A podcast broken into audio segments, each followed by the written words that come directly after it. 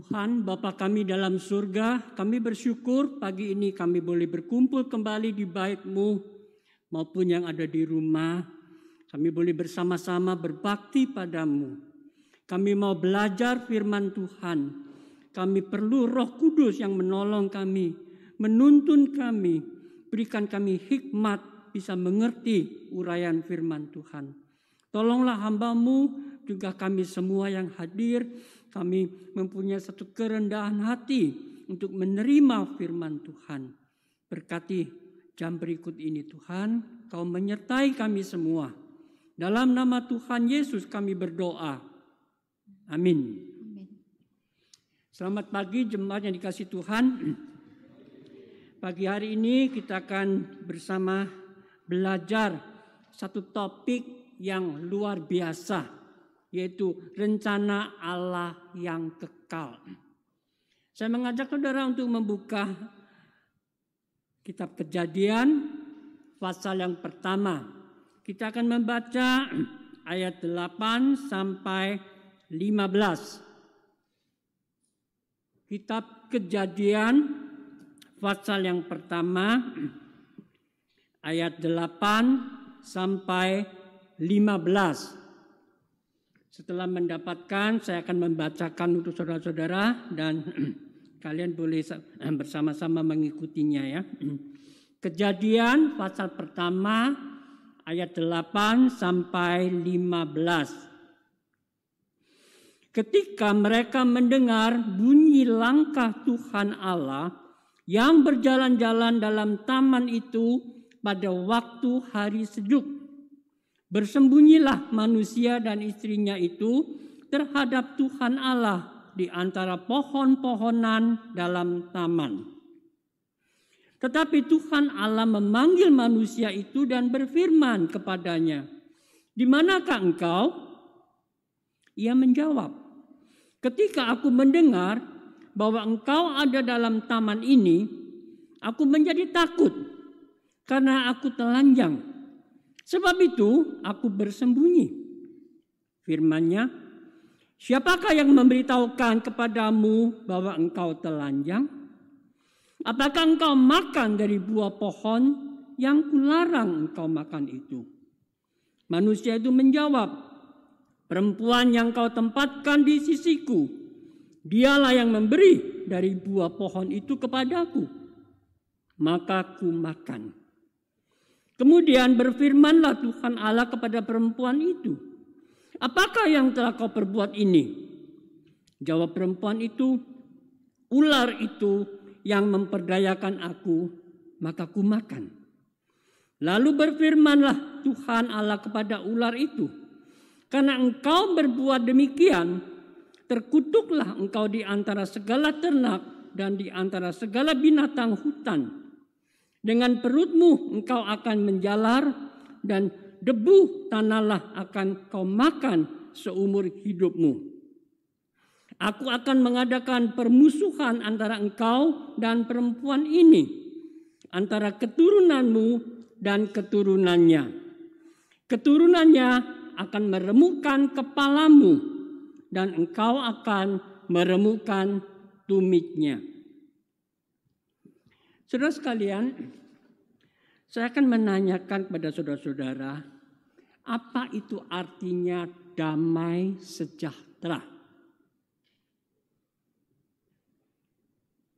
Pernahkah saudara memikirkan ini? Apa itu damai sejahtera? Saudara mau damai sejahtera? Loh, kok nggak ada respon? Mau? Apa itu? Kalau nggak tahu kok mau? Hmm? Apa itu damai sejahtera? Nggak ada bahaya itu damai sejahtera?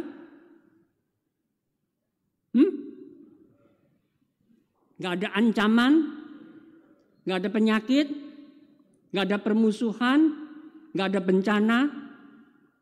Itu damai sejahtera kita bisa hidup aman, tentram. Betul nggak?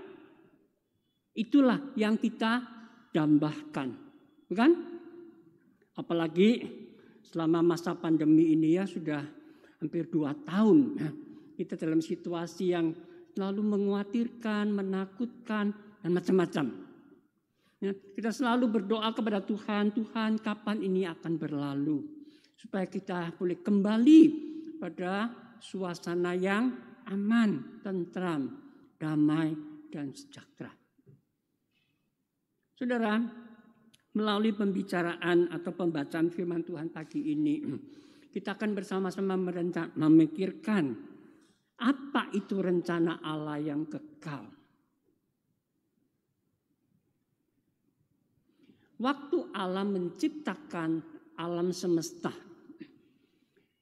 Allah bukanlah Allah yang pengangguran, nggak ada kerjanya, kemudian cari repot.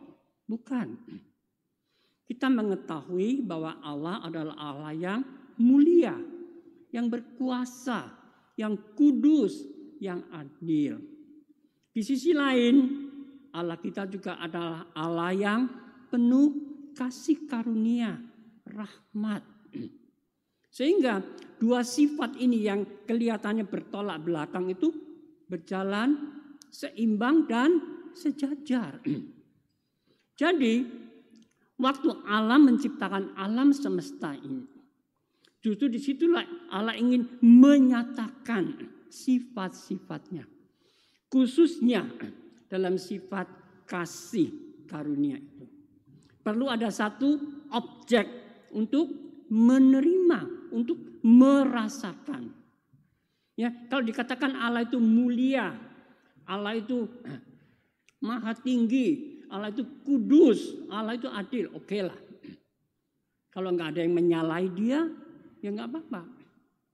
Tapi dikatakan Allah yang penuh kasih karunia itu perlu satu objek untuk menikmati, untuk menerima. Sehingga bisa merasakan. Dari Allah yang menjadi sumber, yang subjek tadi, ada satu komunikasi dengan objek penerima itu. Sehingga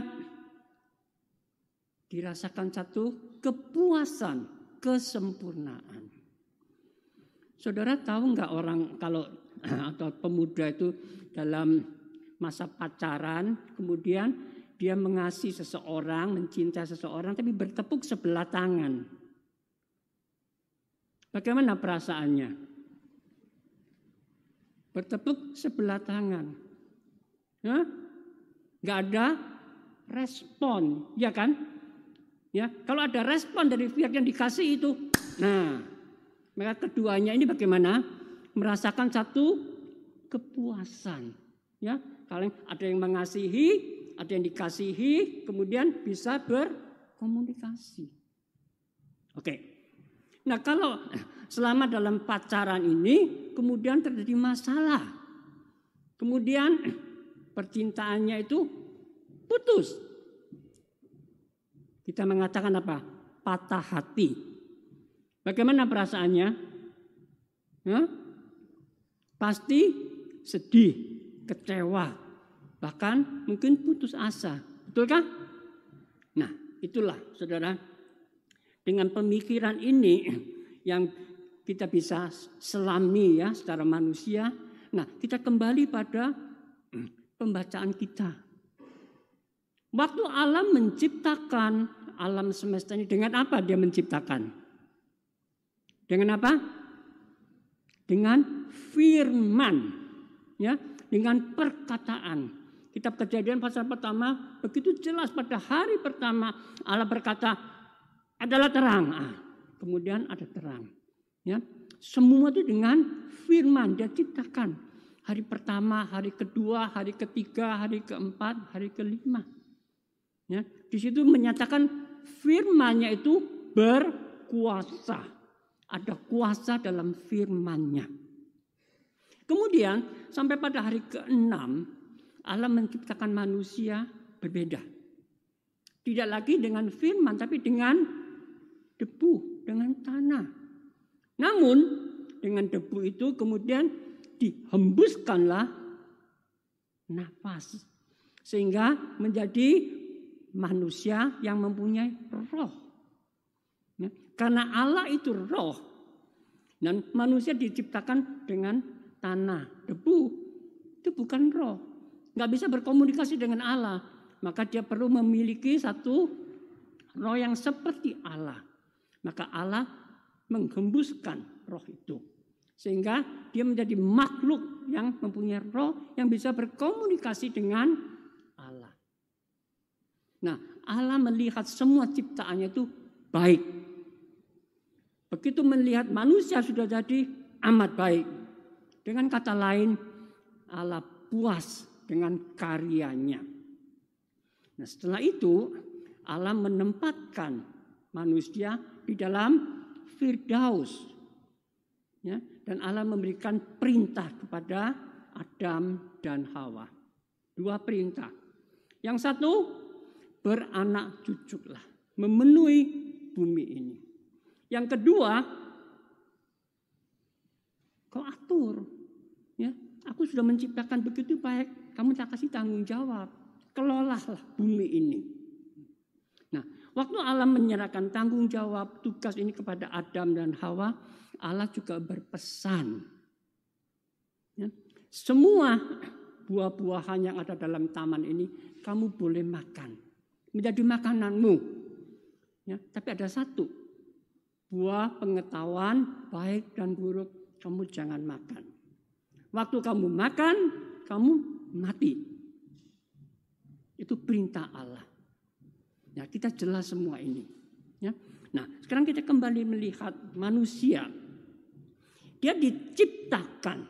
Kalau dia diciptakan secara jasmani ini berarti dia ada titik awalnya, pasti ada titik akhirnya.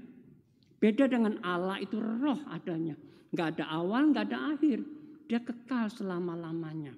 Tapi manusia berbeda. Diciptakan ada permulaan. Titik permulaan. Dan sampai pada waktunya nanti dia akan mati secara jasmani.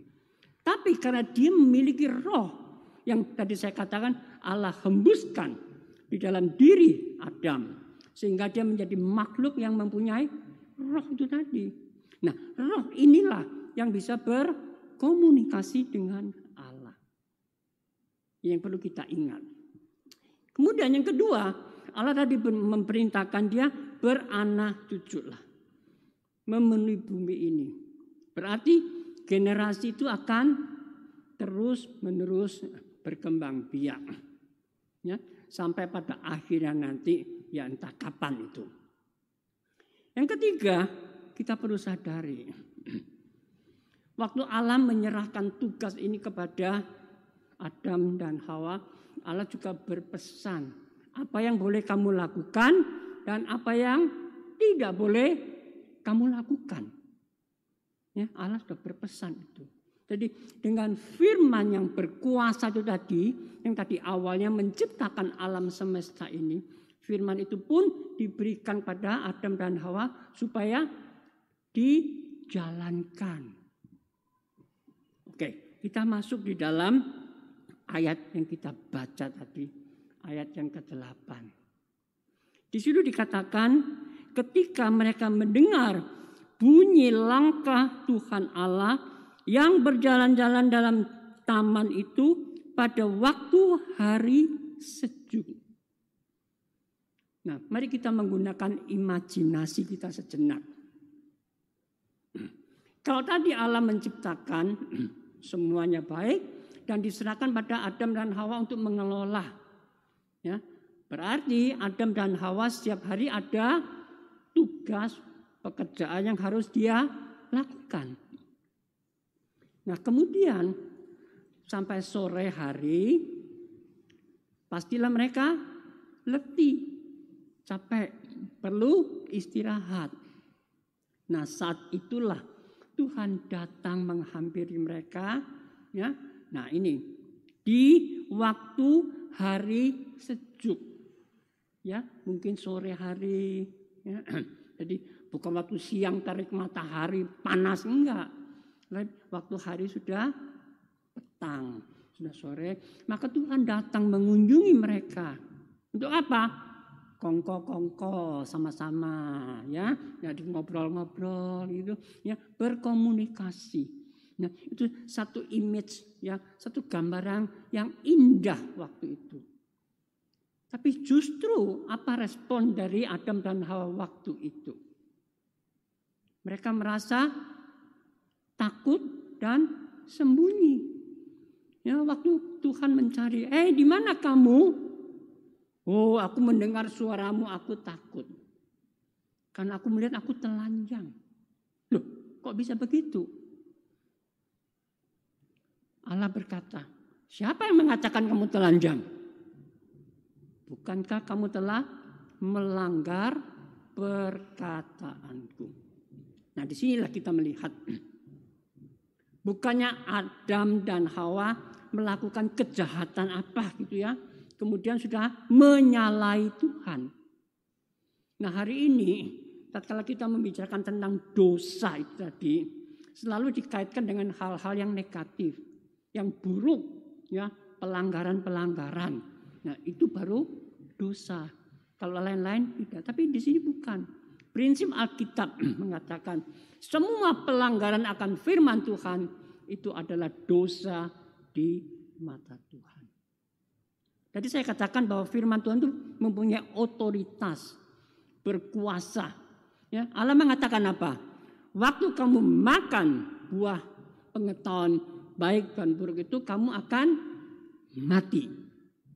Nah dikatakan mati itu bukan secara jasmani mati. Karena Adam dan dia setelah makan itu dia masih umur panjang. Ya kita tidak tahu ya Adam diciptakan itu umur berapa ya. Tapi pasti dewasa ya. ya. Jadi awalnya itu kita tidak tahu. Ya. Tapi Alkitab mengatakan hidupnya di atas 900 tahun, cukup panjang. Namun Allah mengatakan waktu kamu makan, kamu mati. Mati itu adalah mati secara rohani, yaitu putus hubungan dengan Allah. Nah di sinilah kita melihat satu kesedihan di dalam hati Tuhan. Hubungan yang tadinya begitu intim, begitu baik. Setiap hari bisa berkomunikasi dengan Allah. Namun oleh karena pelanggaran Adam dan Hawa atas firman yang Tuhan tetapkan. Nah di sini kita melihat tuntutan dari sifat Allah. Tadi saya katakan bahwa Allah adalah Allah yang suci. Allah yang adil. Allah yang mulia. Sehingga kalau ada pelanggaran-pelanggaran yang tidak mentaati firmannya tadi yang berkuasa itu tadi, maka pasti akan mendatangkan satu konsekuensi. Ya, maka hubungan yang tadinya baik dengan Allah itu sudah rusak. Maka terjadilah satu permusuhan.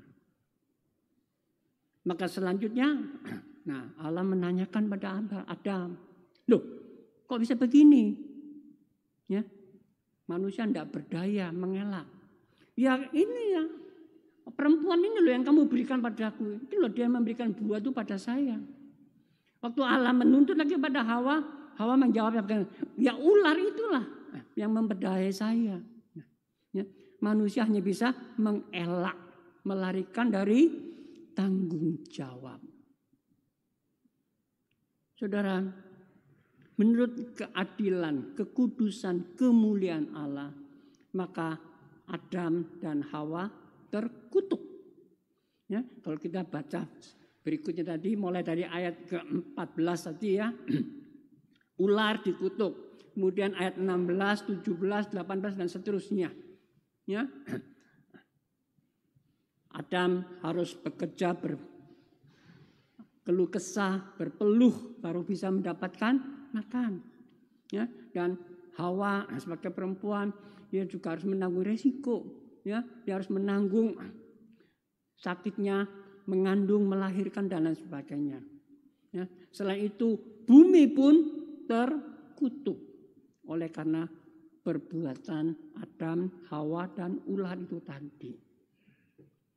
Nah di sini saudara kita melihat ya semua kejadian itu. Jadi bagaimana untuk menyelesaikan? Ya, karena sekarang sudah terjadi permusuhan, ya, perselisihan atau hubungan yang retak antara Allah dan manusia. Dan manusia tidak berdaya untuk menyelesaikan permasalahan ini. Manusia hanya bisa mengelak, melarikan diri, menyembunyikan diri. Tapi kita kembali melihat, tadi saya katakan Allah kita adalah Allah yang penuh kasih karunia. Maka ayat 15 Allah sendiri yang memberikan janji penyelesaian. Akan datang seorang juru selamat yang akan menyelesaikan permasalahan ini.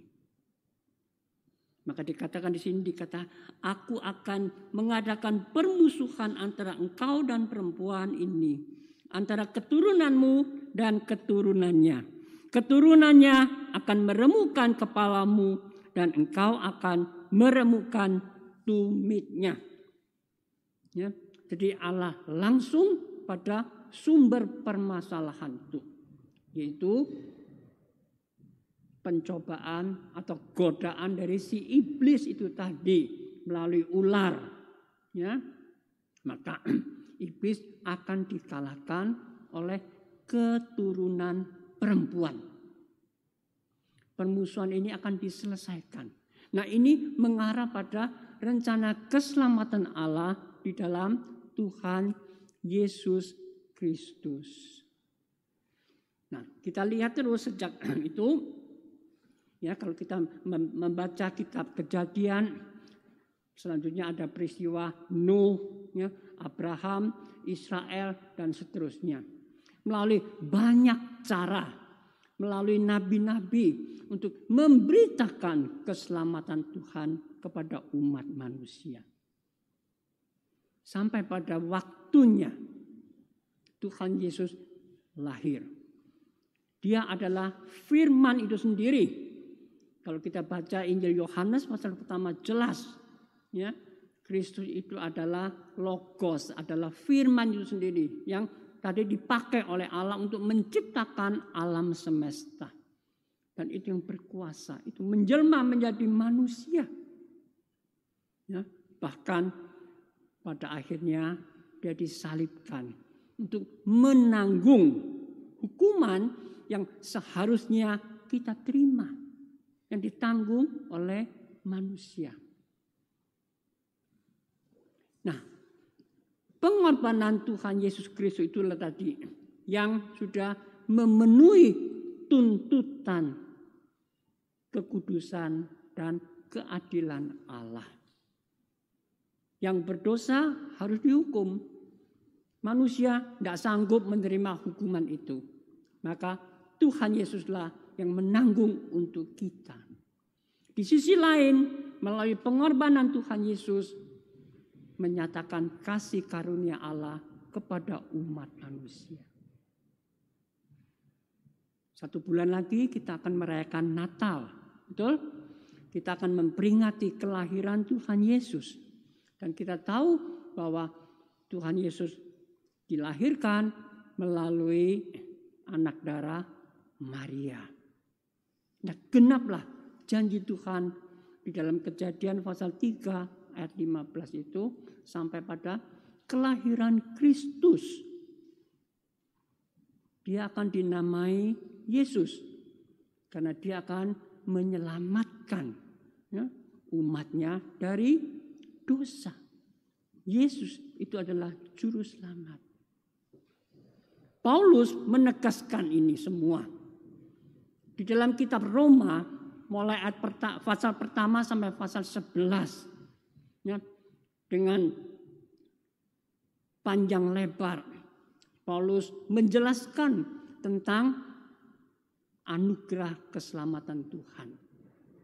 Sampai pada akhirnya di bagian akhir pasal 11 dia tercengang melihat hikmat Allah, kuasa Allah ya dia hanya bisa menaikkan pujian kepada Tuhan. Karena segala sesuatu datangnya dari dia dan untuk dia. Kita hanya bisa memuji nama Tuhan. Paulus mengatakan, tatkala kita masih dalam keadaan sebagai orang berdosa, Allah sudah menyediakan rencana keselamatan ini.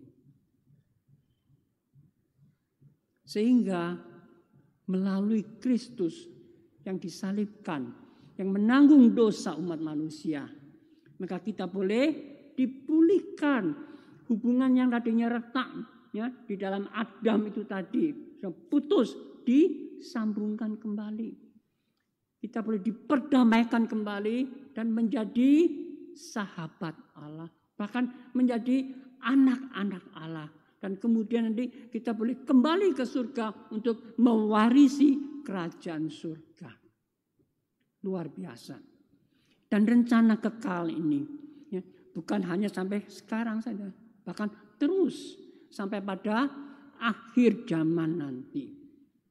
Nah, sehingga kita sebagai manusia yang menjadi keturunan Adam dan Hawa yang tadinya sudah mewarisi dosa itu kita boleh kembali dengan cara apa? Percaya dan menerima karya Kristus di atas kayu salib. Demikian juga waktu Yesus sudah mengakhiri pelayanan di bumi ini, waktu dia mau kembali ke surga, dia berpesan kepada murid-muridnya, "Pergilah, jadikan semua bangsa muridku dan baptiskan mereka di dalam nama Allah Bapa, Allah Putra, Allah Roh Kudus. Nah ini menjadi satu amanat agung bagi kita sekarang yang sudah percaya.